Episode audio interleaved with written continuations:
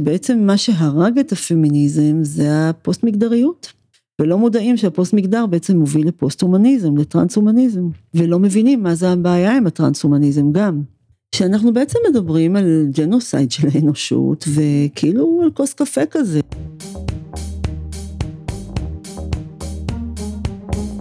המצב הפוסט-אנושי, פודקאסט על טכנולוגיה, תרבות ורוח, עם דוקטור כרמל וייסמן.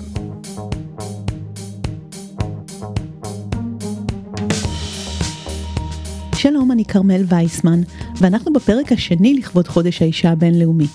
בפרק שעבר הצגנו את הפמיניזם הפוסט-הומניסטי של רוזי בריידוטי שמגיע כמענה למשבר הביקורת, ובפרק הנוכחי נלך לקצה השני של הספקטרום, ונחזור לפמיניזם המהותני. נבין מדוע מחיקת המגדר היא בעצם מחיקת האדם, ואיך זה קשור לטכנולוגיה.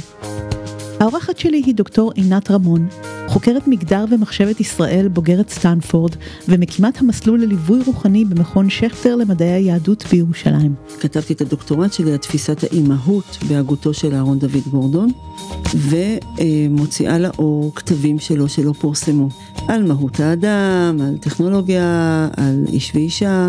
ואפשר לומר שאני נחשפתי לשאלה של הפוסט-הומניזם דווקא דרך עיסוק בהגותו של אברהם יהושע השל, גם כמובן דרך הפמיניזם. עינת גדלה במשפחה חילונית ובתנועת העבודה, ואפילו הייתה רבה קונסרבטיבית לפני שהחליטה לעבור לאורתודוקסיה. אבל לא בגלל שהיא עזבה את ערכיה, אלא דווקא כדי לשמור עליהם לדבריה, כי בעיניה זה הפמיניזם שאיבד את דרכו כשהלך בעקבות הפוסט-מודרניזם והפוסט-הומניזם. בואו נתחיל ונפתח את הטיעון הזה.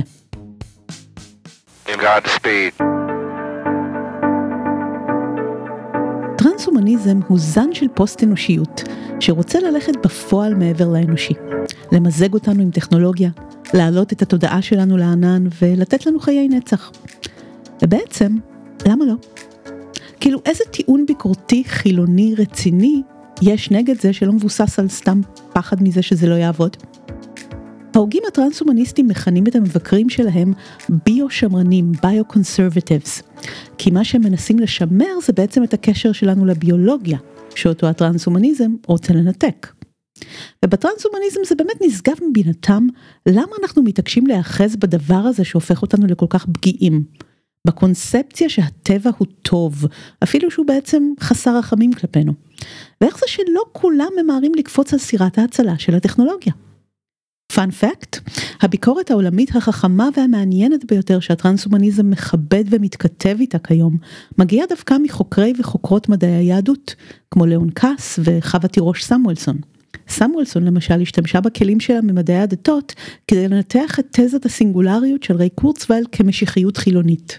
אז במושב האחרון בקיץ 2022 של uh, הקונגרס העולמי למדעי היהדות, בין מאות ההרצאות שהיו שם היה מושב על השאלה הפוסט-הומניסטית, והרצתה שם מי שמובילה את המחקר והחשיבה על זה, פרופסור חווה תירוש סמואלסון, שהיא בעצם רואה בזה אלילות מודרנית. היא כותבת בעקבות אה, יונס, אה, ואילו אני באמת כותבת בעקבות אברהם יהושע השל, בעקבות גורדון, בעקבות אה, פרופסור אליעזר שווייד שהיה מורה שלי, ובעצם של כל ההוגים אה, והחוקרים בתחום המחשבת ישראל פה בארץ היום, שרואים בזה סכנה עצומה לאנושות.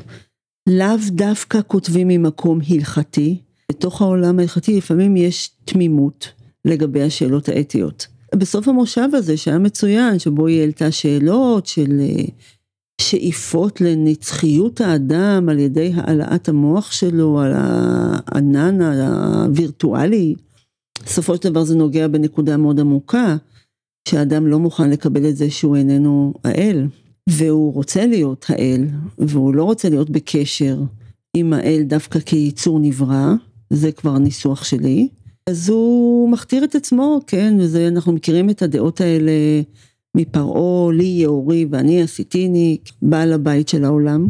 אני הכרתי את דוקטור עינת רמון בעקבות מאמר שכתבה בעברית בנושא לפני עשור, וסימנתי אותה לעצמי כחווה תירוש סמואלסון הישראלית. לא ידעתי שהן באמת מכירות. אז uh, בסוף המושב הזה, ככה, אני ישבתי ודיברתי עם חווה, שאנחנו בעצם מדברים על ג'נוסייד של האנושות, וכאילו על כוס קפה כזה. אבל רגע, למה הרס האנושות? הרי התנועה הטרנס-הומניסטית מטיפה לשימוש בטכנולוגיה דווקא כדי לשמר את האדם, לקדם את האנושות, להרחיב את היכולות שלו ולהאריך את חייו. אז איפה הסכנה פה בעצם?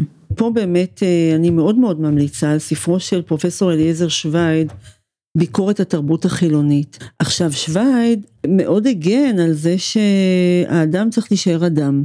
זה באמת בא מאיזושהי תפיסת עולם הומניסטית, רוחנית, יהודית, שאומרת שזה המבחן שלנו בחיים, ואנחנו אה, לא, לא יכולים להימלט משום דבר. בדוקטורט לשם כבוד, שנתנו לו הרפורמים בארץ, הוא דיבר על הסכנה הנוראה של הבינה המלאכותית, שהיא בעצם אה, מחללת את כל התשתיות של הקיום האנושי, ובפרט של הרבייה, שבעצם כל הנורמות האנושיות הולכות פשוט להשתבש כתוצאה מזה שאדם יכתיר עליו את הבינה המלאכותית, ימליך עליו את הבינה המלאכותית, שהוא יציר כפיו.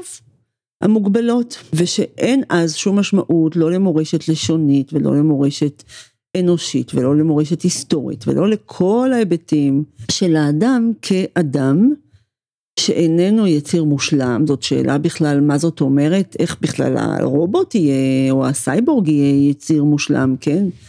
הוא יהיה פרי מעשיו של האדם. והוא מנמק את זה מסיבות אתיות תוך אה, הסתמכות על כל ההיסטוריה האנושית, האינטלקטואלית, גם התנ"ך וגם מהפילוסופיה היוונית. עכשיו צריך להגיד שאני באמת אה, מהיחידים מבין חוקרי השל שבכלל מאירה את ההיבט הזה המאוד מרכזי לדעתי שיש בהגותו. אחרים דווקא להפך חושבים שבעלי הטכנולוגיה הם הממשיכים שלו, לא יודעת איך. אני לא יודעת אם נתנו על זה את הדעת, אבל שהוא מדבר בשנות ה-60 עם מדענים בסטנפורד, הזמינו אותו לתת נאום גדול עבורם, והוא אומר, אני חושש שיקום פה זן של בני אדם, שיש להם שיתוף השם עם האדם, אבל אין להם שום שיתוף ערכי. לזה הוא מתכוון, זאת אומרת לסייבורג, עוד לפני שאנחנו, אני קראתי את דונה הראווי, אה, כחלק מהפילוסופיה הפמיניסטית, שהיום בעצם כל האג'נדה הזאת של למזג אותנו עם הטלפון שלנו, עם ה... ואת כל היצור הזה עם הבינה המלאכותית, זה חדש לאנשים, אני אומרת מי שמלמד פמיניזם מודע לדברים האלה כבר כמה עשורים. אה, כשהיא בעצם מתחמקת מכל השאלות האתיות כשהיא מדברת על זה. מי יהיה, מי יושמד, מה עם מי שלא רוצה, מה עם מי שלא מאמין בזה, למי, מי יכתיב מהו הסייבורג הזה ומה הוא חושב, ו, ומה זאת השנאה הזאת לדרך הרבייה הטבעית של האיש והאישה ביחד. בשיא הרציחות של הקומוניזם, הרב סולובייצ'יק, שהוא היה מנהיג של האורתודוקסיה המודרנית, הפילוסוף מאוד חשוב, בן זמנו של השל, ועוד יותר סקפטי מהשל, בנוגע לכוונות העולם המודרני, הוא אומר, זה לא משנה כמה שאנחנו מסבירים את מי הטכנולוגיה שירתה בשואה, את מי הטכנולוגיה שירתה בקומוניזם, למה שאנחנו כל כך נאמין בה כגואלת האנושות כשאנחנו רואים שידיה מגואלות בדם. אז יגידו גם הדתות, האמת היא שיותר מהדתות היא גרמה נזק בסופו של דבר. ובנקודה הזאת של הטרנס-הומניזם, אנחנו פשוט בועטים בכל הסיפור הזה. אנחנו יודעים, אנחנו נבנה את הגולם, שהוא יכוון את חיינו. ודאי שמתם לב שהטיעון של עינת מזגזג באופן חופשי בין סוגיות של מגדר לסוגיות שנוגעות למצב האדם בכלל. זאת בעצם ליבת ההגות שלה. סוגיית הרבייה האנושית היא בעיני המקרה הבוחן הוותיק והחשוב ביותר להתערבות טכנולוגית, שתפקידה להסיר מאיתנו לחלוטין את המגבלות הגופניות ששורשיהן בביולוגיה שלנו. ולכן זאת לא רק סוגיה מגדרית, זאת הסנונית הראשונה של הטרנס-הומניזם, ששואף להשתחרר מהזקנה, כן, אבל גם מהרבייה, מכל מה שביולוגי. והרבה לפני ה upload תודעה, הטכנולוגיה כיוונה לרחם. אבל רגע, אני התרשמתי שההלכה היהודית ממש לא נרתעת מהתערבות טכנולוגית בכל מה שקשור להולדה. הם מאפשרים את ההסתמכות על הטכנולוגיה רק בהקשר של סיוע לאנשים שיש להם בעיה לפרות ולרבות באופן טבעי. הם לא היו רוצים שכל הפרייה והרבייה בעולם תהיה באופן טכנולוגי. והם בהחלט סבורים, ופה בדיוק הדיאלקטיקה של ההלכה. אם זה מסייע למישהי או למישהו, בסדר. אם העניין פה הוא לבנות מבנים חדשים של משפחות, פה הלכה מאוד חד משמעית שהיא אומרת לא. אפילו אה, רבייה של אישה מזרע שלא יהודי, שיש איזה רב אחד שהתיר את זה, זה לא מוסכם על רוב עולם ההלכה. וזה באמת מעניין לראות שההלכה היא לא רק טכנית, היא גם ערכית, היא מאוד מאמינה בערך של ההורות המשותפת של האבא והאימא, והאמת אני חושבת היא אפילו לא כל כך נכנסת לפרטי האינטימיות, כי יכול להיות שיש אנשים שאצלם המשיכה האינטימית היא יותר מורכבת, אלא למבנה ההורות המשותפת והמחויבות והנאמנות של האבא לאימא והאימא לאבא. ואת תראי שבמקומות האלה, שבמבנים האלה, שזה לאו דווקא שזה בא מעולם רומנטי, הם כן מאשרים את הזיווגים, כי הם מאוד מאמינים שכל זוג מסתדר עם עצמו. לכן באמת אני תמיד מדגישה את הנושא הזה של הרבייה וההורות המשותפת, ולא נכנסת לסוגיית המיניות, כי היא מאוד מורכבת. שימו לב, התפיסה של עינת היא לא הגות שמרנית דתית רגילה. זאת הסיבה שטרחתי להביא את הקול שלה אחרת, לא בטוחה שזה היה מעניין. שמתם לב להפרדה שהיא עשתה בין מיניות לבין רבייה? זה נאמר באופן מינורי, אבל במאמר שדרכו הכרתי אותה היא כתבה את זה בכמה וכמה צורות ברורות. אני אצטט. אני מקבלת את הנחת היסוד של באטלר, שרגשות תשוקה מיניים הם נזילים ורבי פנים. הנחת היסוד הזו תואמת את הנחת היסוד של הרמב"ם, שטוען בסוף הלכות איסורי ביאה, שכל התאוות המיניות האסורות באיסורי עריות הן כולן תאוות טבעיות לחלוטין. טענתי היא שאף שהרגשות המיניים מרובים ומגוונים, דפוס הרבייה האנושית ביולוגית מתקיים אך ורק על ידי מפגש בין זרע לביצית. בסוגיה הזו אין בחירה ואין נזילות. בעוד שבשאלת דפוסי ניהול הרגשות המיניים וההתנהגות המינית, עלינו לקבל על עצמנו מסגרת פוליטית רב-תרבותית וסובלנית, הרי בסוגיית הרבייה נדרש צמצום חופש הבחירה, שכן היא גוזרת גורלות של אנשים ושל הציוויליזציה האנושית לדורות. חריגה ניכרת מתבנית הרבייה שבטבע מסכנת את עתידו של המין האנושי. כלומר יש כאן טיעון אתי קלאסי שנפוץ מאוד בספרות כנגד ביוטכנולוגיה וזה בעצם אותה התנגדות לשיבוט או להנדסה גנטית ולא טיעון דתי סטייל מפלגת נועם שיוצא נגד גווני המיניות. אצל עינת עניין הרבייה קשור קשר הדוק למצב האנושי בכללו. אני בנושא הזה חושבת שהפילוסופיה הלבנית קצת מובילה אותנו למקום הזה.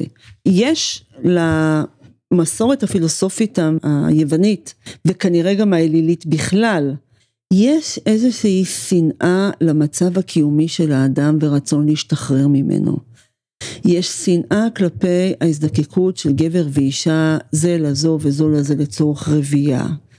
ולצורך גידול הצאצא הטבעי שלהם ביחד. אז בפוליטאה של אפלטון, הוא מדבר שם על זה שבעצם תהיה אליטה צבאית, ביניהם גברים ונשים יקיימו יחסים אינטימיים חופשיים, רק הם יוכלו לפרוט ולרבות, והמדינה תעלים מהילד את האחים שלו, את ההורים שלו, ויהיו שם מטפלים ומטפלות מהמעמדות הנמוכים יותר שהם יעסקו בחינוך. זאת אומרת שיש פה איזה רצון מלמעלה להשליט סדר, שהסדר הזה בעצם הולך נגד הטבע האנושי. אגב, הרמן כהן ביקר את אפלטון הזה שהוא ביטל את מבנה המשפחה הטבעית. בספר שלו על האתיקה, והוא באמת היה מגדולי הפילוסופים, הוא גדול הפילוסופים היהודים במאה ה-20. אז אין פה שום הצלה של האדם, יש פה ממש שיבוש של החיים של האדם.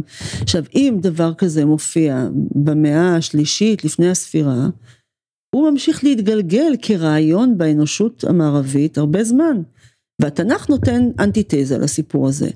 יש זכר, נקבה, פור ורבו ביחד, זה הכל. שהוא התשתית לתקינות ולשלמות החברתית. כמובן שהמקום הזה האדם גם חייב להטמיע ענווה, שהוא לא יוצר החיים, אלא החיים עלי אדמות הם משהו גבוה ממנו. ההתייחסות של עינת למשפחה כטבעית מציקה לי. רבייה זה עניין ביולוגי, הבנתי, אבל משפחה והורות? זאת הבניה תרבותית מאוד ספציפית, שלא קיימת אצל בעלי חיים וגם בקרב בני אדם היא נוצרה מתישהו.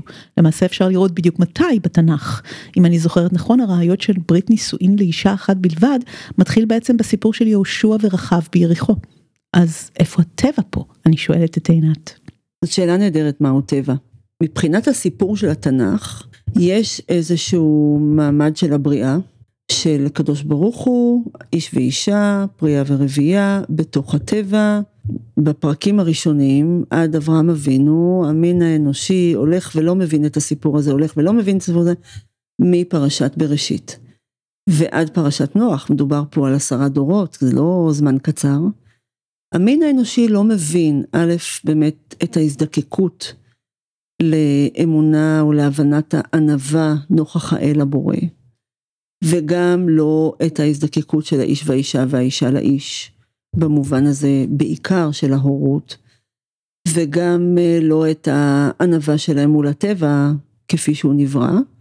ואז באמת, אה, עם אה, נוח, בהדרגה גם עם אברהם אבינו, כי צריך עוד איזה מישהו שיהיה יותר מחויב אפילו, אפילו מוכן למות למען הדבר הזה.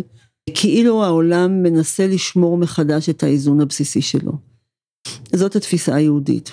עכשיו למה אני מתעניינת בגורדון? כי גורדון אה, הוא מאוד מאוד מתאמץ לבוא ולהגיד תעזבו רגע את השאלה אם אתם מאמינים באלוהים, אתם לא מאמינים באלוהים. העיקר זה קדושת החיים, קדושת תהליכי החיים. זה שורש הרגש הדתי והוא חיוני לאדם ואנחנו חלק מהטבע, לא מעל הטבע, לא מחוץ לטבע, חלק מהטבע, ומתוך כך כן לפתח טכנולוגיה שהיא כל הזמן בסינכרוניזציה עם הטבע ועם ההיסטוריה האנושית של כל עם בפני עצמו. במובן זה העם שנוצר בתוך גיאוגרפיה מסוימת של טבע הוא מאוד חשוב. באיזה מובן זה סוג של פמיניזם? האם זה לא שמרנות? תראי, זה נכון שהפמיניזם התיאורטי לא מספיק נתן את הדעת על החינוך של נשים וגברים להיות בברית אחד עם השני. אבל תקשיבי, אם אנדריאה דבורקין מדברת על הסכנה הגדולה של הרחם המלאכותי והתעשיות פונדקאות האלה, משם אני באה, את מבינה, העולם התיאורטי שלי היה קודם כל עולם פמיניסטי. פתאום היא פקחה את עיניי. אנדריאה דבורקין, פמיניסטית רדיקלית שהייתה מהראשונות להתריע על הסכנה הטכנולוגית והשלכותיה בתחום הרבייה, ועוררה סערה רבה כשהצדיקה טיעונים מסוימים של נשים נוצריות בארצות הברית בהקשר הזה. עינת מחברת את זה לטרנס-הומניזם כי במסווה של קדמה טכנולוגית שמנתקת אותנו ממגבלות הביולוגיה, נוצר למעשה שוק משגשג ולרוב גם נצלני של רחמים להשכרה. ברור שהיום פמיניזם זה רק הראווי ובטלר, אבל כשאני למדתי פמיניזם היה עוד פמיניזמים. גיליגן נאלצה לשנות את דעותיה בגלל הלחץ האקדמי, ולהגיד אין כבר קול נשי, למרות שביום יום אנחנו רואים קול נשי וקול גברי, ובאיזשהו מובן הם משלימים אחד את השני, האם אנחנו במאה אחוז אה, עומדים בטהרנות של קול נשי וקול גברי? לא. כי אנחנו מושפעים אחד מהשני וגם יש לכל אחד אישיות בפני עצמה. אבל יש פה איזושהי ראייה ייחודית נשית והיא בעצם נמחקה. וכשהיום כבר מתגלגל העניין הזה לאמירה שנשים הן נשים ביולוגיות וזה נאמר בגנאי אז אני אומרת אוקיי אם אני עכשיו מלמדת קורס על הפילוסופיה היהודית של אה, סופרות כמו שולמית הר אבן ויהודית הנדל ועמליה כהנא כרמון, שלעניות דעתי, כקוראת, הן מביאות פרספקטיבה נשית בספרות שלהן, והן מביאות שם פילוסופיה של פרספקטיבה נשית. אז מה אני אלמד, כן, אם זה נשים ביולוגיות, זה בעצם אין ממש אישה ואין ממש גבר, וזה הכל הבניות, ואז למה מעניין בכלל ללמוד? בעצם מה שקרה, שהפמיניזם הכניס לעצמו גול עצמי. בהליכה לפוסט מגדריות. כי אז כבר אי אפשר לדבר על אישה, מה אישה? אם גבר שמחשיב את עצמו אישה הוא אישה. אני לא בטוחה שזה האדם שמדבר על החוויה הנשית לסוגיה, לאורך הדורות, שאותי מאוד מעניין לחקור וללמוד ממנה, להבין אותה. פתאום אחרי שכל כך נאבקתי וזה באמת היה אור האדום שנדלק לי בסטנפורד הנה סוף סוף אנחנו מגיעים ללמוד את החוויה של האישה מהי האישה לעומת הגבר המחלקה באוניברסיטה העברית שנפתחה אז הייתה המחלקה להבדלי, ללימוד ההבדלים בין המינים. מי בכלל היה מעז להגיד שיש הבדלים בין המינים היום? משם התחלתי להתעניין בכל הדברים האלה. חוויות שנשים חוות ביום יום, שהן לא בדיוק זהות לחוויות שגברים חווים. ויש פה השלמה מאוד חשובה, והמחקר אפילו אומר, נשים יש בהם איזו נטייה כל הזמן להחזיק את הילד קרוב, והאבא שהוא זורק את התינוק באוויר, יש פה איזשהו ביטחון גופני שונה מאשר הביטחון הגופני הנשי, ויש פה איזושהי השלמה חשובה ומעניין ללמוד אותה, פתאום אסור ללמוד את זה, פתאום אסור לכתוב בכתבי העת האקדמיים אישה בהיריון, כותבים היום בלנסט, יצור אנושי שיש להם רחם ויש להם עובר בבטן. אז מה עשינו עם כל הפמיניזם? מעבר לזה שגם בכל הסוגיה הזאת של הטרנסג'נדר, גם כן מה עשינו? אם ילד לובש שמלה של רקדנית בלט, זה אומר שהוא ילד, שהוא ילדה? יכול להיות שהוא גבר מאוד גברי, בא לו בתור גיל, בגיל קטן לשחק, לדמיין, לדמיין, ואם הוא לובש תחפושת של חתול, אז הוא חתול. זאת אומרת, יש פה, להפך, תנו את המרחב הזה לילדים לכל דברים, ולא להגיד שאם זה כך, סימן שהוא ילדה, אז אני בעצם חושבת שבעצם מה שהרג את הפמיניזם זה הפוסט מגדריות. הבלבול של כל הקטגוריות האלה, האמירה בעצם, זה שיש לאישה גוף אישה זה לא אומר שהיא אישה. רק אם ללכת על עקבים היא אישה, ומה אם אישה לא אוהבת ללכת על עקבים זה כואב לה בגב, אז היא לא אישה, ומה אם היא רוצה שיער קצר, אז היא לא אישה, מה זה ה... בכל אופן, מה, אנחנו לגמרי מתנתקים מהגוף, הגוף כבר לגמרי לא רלוונטי, כל הזרמים החילוניים והדתיים של המאה ה-19 וה-20 שהביאו לצמיחת היהדות ויהדות הגולה בעת החדשה, לגמרי הולכים עם ההיבט הפוסט מגדרי. ולא מודעים שהפוסט מגדר בעצם מוביל לפוסט הומניזם, לטרנס הומניזם, ולא מבינים מה זה הבעיה עם הטרנס הומניזם גם. לפחות האורתודוקסיה רק מגנה על הנושא הזה. אני רוצה שוב לנסות לחדד כאן את הקול הייחודי של עינת בנושא הזה, כי מה שהיא אומרת הוא הפוך על הפוך. היא לא מבקשת לבטל מגוון ונזילות. היא דווקא חושבת שהפמיניזם המודרני מבטל את זה. פוליטיקת הזהויות יצרה כל כך הרבה קטגוריות שאנחנו ממהרים נורא לסווג אנשים אליהם. אפילו הבינאריות שנוצרה כדי לחמוק מהקטגוריות הוא כבר קטגוריה בעצמו. כלומר לעינת יש כאן טיעון פילוסופי, שדווקא כשנשמרות הקטגוריות הישנות, גבר ואישה נניח, יש מקום לספקטרום ביניהם שאפשר לנוע עליו ללא צורך בכלל לסווג את עצמי מיידית בבירור ולשיים כל מיני נקודות עליו. נכון מאוד, את הגדרת נהדר את מה שאני חושבת. ברגע שאתה מסכים על כמה קטגוריות בסיסיות, בתוך זה יש פה מגוון של דברים. יש מקום לדמיון, יש מקום לדיסוננסים. תראי, גם אני אומרת לך, באטלר בפירוש אמרה שהיא דווקא חושבת שזה ימנע את השעבוד למערכות טכנולוגיות רפואיות וזה, שאז אם היא תגיד כל אחד יהיה מה שהוא רוצה אז לא צריך לעבור ניתוחים, אבל להפך זה קורה, זאת אומרת הקליניקות שנותנות אה, עיכובי ילד, אה, התפתחות מינית לילדים הולכות וגדלות, הולכות ומתרבות, והתפיסה שלה דווקא מגבה את התהליך הזה. עכשיו אני זוכרת שבאיזשהו רעיון היא אמרה להפך, אני לא רוצה שזה יקרה, אבל להפך, זה מה שקורה. בקצה הפרוגרסיבי ביותר של ה-woke, קיימת כיום קריאה פשוט לבטל את המגדר. כאילו בואו בכלל לא נתייחס לקטגוריה הזאת, נהיה פשוט אדם א' ואדם ב' וזהו, הכי טוב ככה, לא נפגע ברגשות של אף אחד ואחת. זה אולי נשמע נאור, אבל זה מקום שעשוי להחזיר אותנו למצב הבעייתי של עיוורון מגדרי, שהוא דבר שונה מאוד משוויון. אם מתעלמים ממשהו זה לא אומר שהוא נעלם. אז דווקא בזמן שזה כבר לא פוליטיקלי קורקט לדבר על הבדלים בין נשים לגברים, המדע מגלה כל הזמן הבדלים ביולוגיים קריטיים שמצילים חיים של נשים, למשל מפתחים עולם שלם של רפואה מגדרית. גם בפרק 43 עם פרופסור עידן לנדו, האדם האחרון שאפשר להאשים בשמרנות או דתיות, דיברנו על הבעייתיות בהכחשת הממצאים האלו. היום יותר ויותר מתגלים אה, היבטים שבהם גוף האיש שונה מגוף האישה, ומכוון להשלמה הביולוגית שלהם אחד את השני בהקשר הזה של ייצור החיים. הדברים האלה באמת אספה אותם אה, רופאה יהודייה בארצות הברית את כל הנתונים האלה מכל מיני מקומות, דוקטור מרים גרוסמן שאני הייתה פסיכיאטרית ב-UCLA, אז היא מביאה שם נתונים שמגלים על זה שהאישה נוטה יותר להתקשר לגבר שיש לה מגע פיזי איתו, מאשר שהגבר לאישה. זה דברים שאנחנו יודעים, אינטואיטיבית.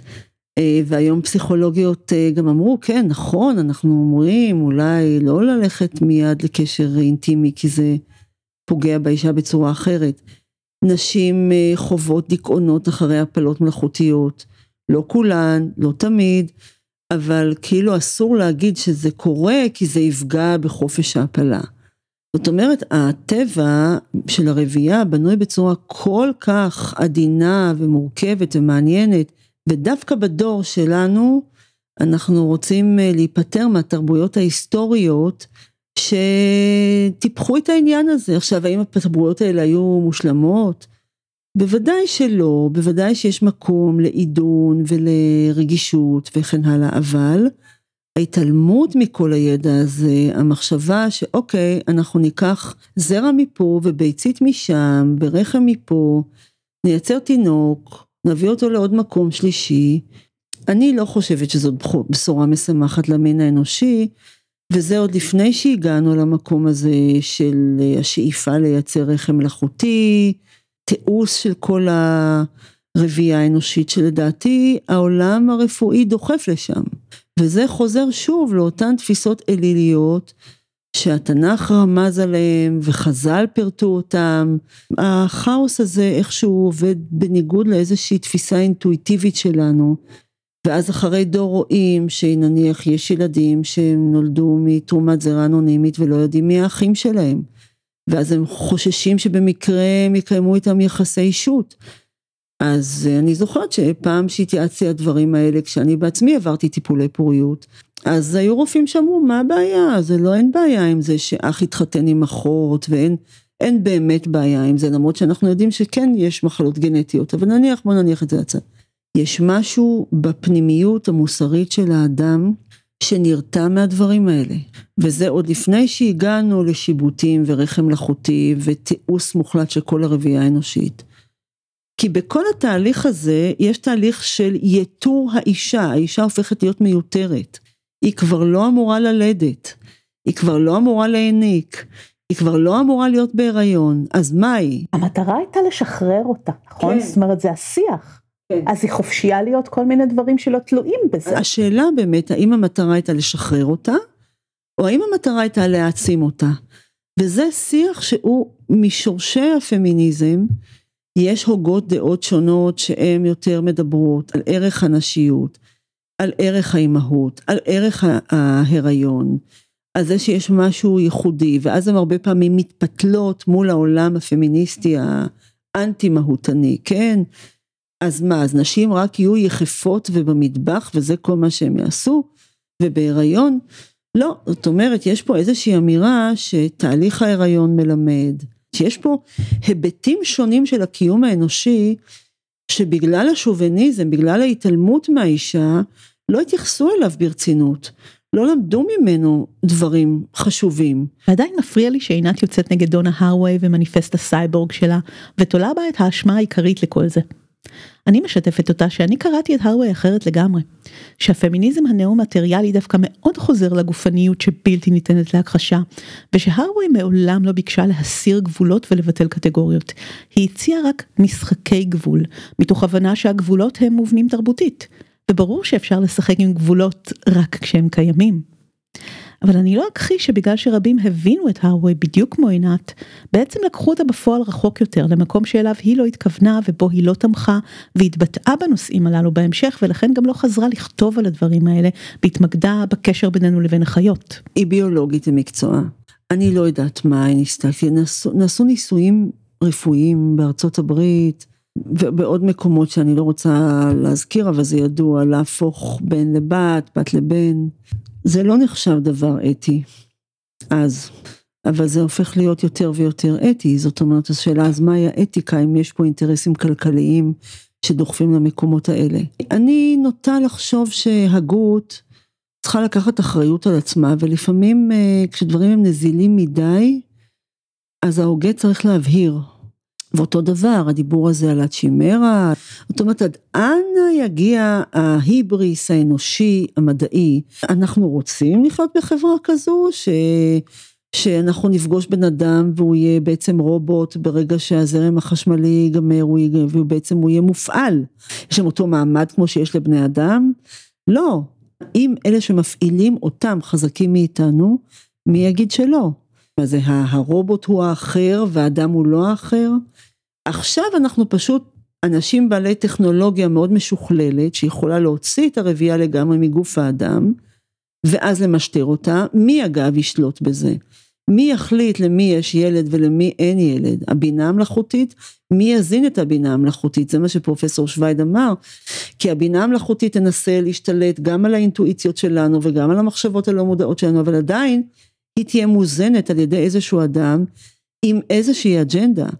בשעה שפה יש טבע שהוא באופן פלאי מתרחש מעצמו, אפילו אם נבודד רגע את תפיסת האבולוציה של דרווין מהפילוסופיה הגזענית שלו, שהטבע באופן טבעי משכלל את עצמו, לראות שבאיזשהו מובן הדברים מסתדרים מעצמם.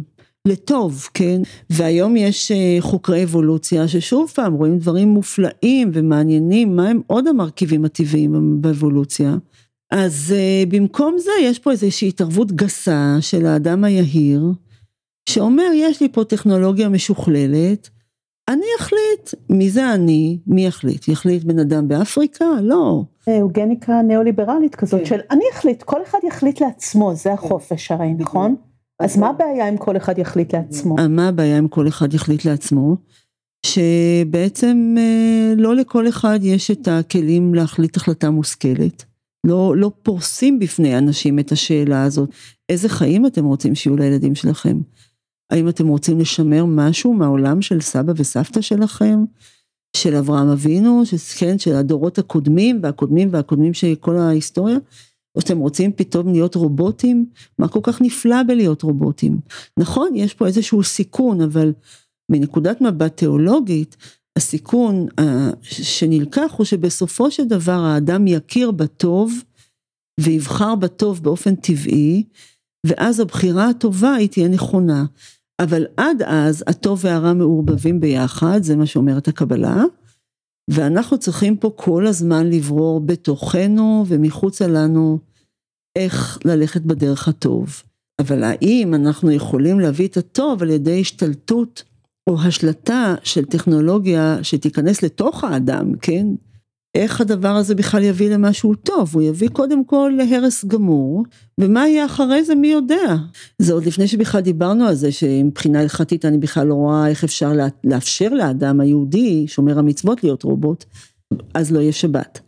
זאת אומרת מי שלא לוקח טלפון בשבת, סלולרי, גם ודאי לא יכול להכניס את זה לתוך הגוף שלו. בכלל צריך לראות שעצם החזון הזה הוא לא חזון טוב. התפיסה התיאולוגית שעלתה כאן בין השורות, שכרגע הטוב והרע מעורבבים וקשה להבחין ולברור, מאוד מזכירה לי את התפיסה האנתרופוסופית של שטיינר שעליה דיברנו בפרק 46. שם אפילו הייתה טענה שרע מגיע היום בכסות של טוב, ושמגמות טכנולוגיות מסוימות הם דוגמה לזה. במאמר של עינת בנושא, היא כתבה שהיא בעצם חוששת מסכנת הטוטליטריות שתנבע מהנאורות, שאותה חזה הפילוסוף היהודי משה מנדלסון. היא חוששת שהנזילות לכאורה תוביל דווקא לצמצום ולדיכוי. ואני אצטט קטע מעורר מחשבה מהמאמר הזה שהוא שוב בהפוך על הפוך. לחברה הפוסט-מודרנית יש דפוסים פטריארכליים ייחודיים שפוגעים בנשים ובילדים בשל הגברת המתירנות, צמצום ערך המחויבות הבין-אישית והיעדר חינוך למסגרות אינטימיות ולריסון שנדרש כדי לחזקם. מכאן מתחייבת ההבנה שבעבור אנשים ונשים רבים עדיפים דפוסי הפטריארכליות המשפחתיים הישנים מדפוסי הפטריארכליות והניכור הנזילים, החמקניים, הטכנולוגיים והנסתרים, ובסופו של דבר גם האכזריים יותר של החברה המערבית הפוסט-מודרנית. בחירה בדפוסים מסורתיים היא בעבור אנשים רבים בעם היהודי, לאו דווקא אורתודוקסים, בחירה רציונלית ונכונה. זאת אומרת, בעצם יש כאן ביקורת פרגמטית שלא מדברת עוד על להשתחרר מפטריארכליה. אולי זה לא אפשרי. אולי כל חירות טכנולוגית תמיד תשחק לטובת הפטריארכיה בסופו של דבר. אבל אם יש לנו כאן בחירה בין שני דברים שהם פחות טובים, הבחירה השמרנית היא לדעתה של עינת הרע במיעוטו, משהו שלפחות ישמור על המסגרת האנושית. דוקטור יונתן זקס, שהוא אה, היה הרב הראשי של אנגליה, הרב זקס אומר, אנחנו חייבים ללמוד כבני דתות שונות, שיש לנו אמונה שהאל עומד מאחורי הבריאה, איך להסתדר בינינו, כדי לשמור על האדם. מפני שבעצם האויב הגדול הוא האתאיזם, החילוניות שסוגדת לטכנולוגיה. זה כבר לא חילוניות כמו של עמנואל קאנט. הבנייה של קאנט את המטאפיזיקה היא קשורה באמונה החילונית, שצריכה להיות פה איזושהי תשתית אמונית גם לעולם החילוני, אם הוא לא רוצה להשתגע. ואגב, כל השאלות האלה שאנחנו עוסקים בהן היום, משפחה, לאום, קהילה, ראשוני המשכילים הלא יהודים עסקו בהם, והם שאלו עד היכן אנחנו בעצם נבעט בעולם הדתי, הם לא ניסחו את זה ככה, ומאוד מאוד ניסו להכניס איזונים לתוך הפילוסופיה שלהם, אני באמת מאוד ממליצה על ספר מהי הנאורות שעזמי בשארה, שלצערנו הלך אה, לדרכים לא טובות ביחס למדינת ישראל, אבל כפילוסוף ערך ספר מצוין, ובו הוא מביא קטעים של מנדלסון ושל קאנט, ורואים שם עד כמה, את ההתלבטות שלהם, עד כמה אפשר לא להסתמך על הדת אם העולם מעוניין בנאורות חילונית. יש האומרים שקאנט הוא השורש הבעיה, אני דווקא חושבת שהוא התחלת הפתרון אולי, שהוא אומר רגע רגע, יש פה קטגוריות, וגם אם אנחנו, יש דברים שאנחנו לא יכולים לדעת על פי הקטגוריות האלה, כלומר למשל, מי הוא באמת אלוהים? אנחנו חייבים להניח את קיומו, אחרת יהיה פה בלגן נוראי. אחרת לא יהיה מוסר, אחרת לא יהיה שום דבר. ולאו דווקא ממקום אמוני רגשי שלו, אלא מהמקום של אחריות לאנושות, של עד היכן אנחנו מפרקים ומורדים ומפרקים ומפרקים ומפרקים, לא יישאר לנו כלום. מה שקרה בסופו של דבר, וזה הם לא יכלו לצפות, שדווקא האידיאולוגיות החילוניות השתוללו מבחינת ההשמדה שלהם, ומקום של צמיחת הנאורות צמח הנאציזם, ומקום של צמיחת הבטחת השוויון צמח הקומוניזם, ויצרו דה-הומניזציה מוחלטת, כן, אה, זאת אומרת שאנחנו היום צריכים לחזור לדת, אז יגידו אוקיי, אבל גם היום דתות משתוללות, תראו מה קורה עם איראן וכולי וכולי. עדיין יש אה, לרב זקס יותר אמונה בזה שהאדם המאמין יהיה לו יותר ריסון בסופו של דבר. פרנסיס פוקויאמה רואה בטרנס-הומניזם את הסכנה הגדולה ביותר לאנושות. הוא כתב על זה ספר שלם בשם הזה. ובספר הוא מודה שאולי קטגוריית האדם באמת בעייתית, אבל לא כדאי לנו לפרק אותה. יש בה צורך כדי לקיים חברה אנושית. זה קצת מזכיר את מה שדיברנו עליו בפרק הראשון של הפודקאסט בהקשר לרצון חופשי. גם אם יש ממצאים מדעיים שמטילים ספק בקיומו, רוב החוקרים שמצאו את הממצאים הללו חושבים שצריך להמשיך להחזיק ברעיון של רצון חופשי כדי לא לפרק את הבסיס לחברה האנושית. אם ניקח את זה רגע להמשגה של ניטשה, רובנו לא מצליחים לקפוץ למדרגת העל אדם ולהסתדר לבד אחרי מות האלוהים. אז כדי לא ליפול לניהיליזם, בואו פשוט נחזיר את אלוהים. נדמה לי שזה מה שעינת טוענת כאן. לחברה תקינה כדאי שיהיה אלוהים, גם אם אתם לא בטוחים בקיומו. אחרת, מה שנדמה לנו שבא לשחרר אותנו, יטיל אותנו לכאוס ויפרק אותנו. אני רוצה להתייחס גם על ניטשה, יופי שהזכרת אותו, שכשהוא מדבר על מות האלוהים, בזרטוסה אומר, אנחנו רצחנו אותו. והוא אומר את זה לא כאיזה שמחה, לא בשמחה, כן? זה קרה, זה קרה לפניו, אה, וזה נורא. זאת אומרת, ניטשה בעצם מבוהל גם מהאופציות של רצח האלוהים. ולכן הוא פילוסוף מאוד מעניין ודיאלקטי. כל ההוגים היהודיים של המאה ה-20 דחו את ההיבט הזה של ניטשה. היהדות בכלל לא מאמינה בבני אדם עליונים, אין צדיק שלא יחטא. בסוגיה הזאת שאנחנו אמורים לייצר פה, כמו שאיין ריינד רצה, איזה אנשים עליונים, לא, זה היהדות שמה קו ברור. ההלכה היא מאוד פרגמטית בעניין הזה של בואו נראה מהו הרע במיעוטו, איך משיגים טוב בתוך מציאות כאוטית שהיא בלתי מובנת לנו. נוכח באמת כל האתגר הזה של הטרנס-הומניזם, מה עוד יכול לתת לאדם איזושהי מסגרת? אני באמת תוהה. הדפסת איברים, אז אומרים צריך שיהיו אנשי אתיקה. אבל הנקודה היא שלאנשי אתיקה אין שום סמכות. סופו של דבר באמת האתיקה היא אישית. האם בן אדם משתמש או לא ישתמש משהו, אבל האם אנחנו באמת יכולים לנהל את העולם, והאם אדם שלוקח לעצמו אתיקה מסוימת, ישרוד בתוך עולם כזה פרוע, יוצרים עוברים באקווריומים, הורגים אותם, חותכים אותם, כל בן אדם מדפיס לעצמו איזה איברים שהוא רוצה, מתי שהוא רוצה, אין הסכמה על ערכים. אני באמת חושבת שהאנושות הגיעה למצב מבחינת הטכנולוגיה שבה, שהיא לא יודעת מה לעשות איתה.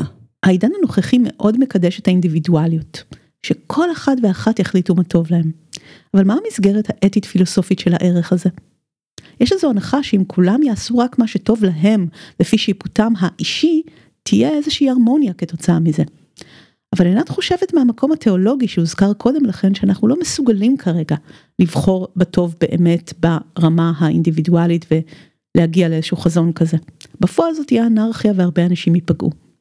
ולכן היא טוענת שיש צורך לאמץ מסגרת קולקטיבית, ותיקה, מוכחת כלשהי, לגזור ממנה. באמת אנושות שלמה נמצאת פגיעה לגמרי מול מובילי הטכנולוגיה, שאין לה אמירה בכלל על, על איך, איך היא תנהל את חייה ואם היא תתקיים. זאת אומרת שאנחנו נמצאים היום, לדעתי, בצומת היסטורית מאוד מסוכנת לכולנו. האופטימיות היחידה שאני שואבת עם האמונה. ומי שאין לו אמונה, באמת אני חושבת נמצא פה באיזושהי אה, בעיה. יש תיקו, זאת אומרת, במה אתה מאמין? תחליטו אם אתם רוצים לעבוד את הבינה המלאכותית או לעבוד את האל.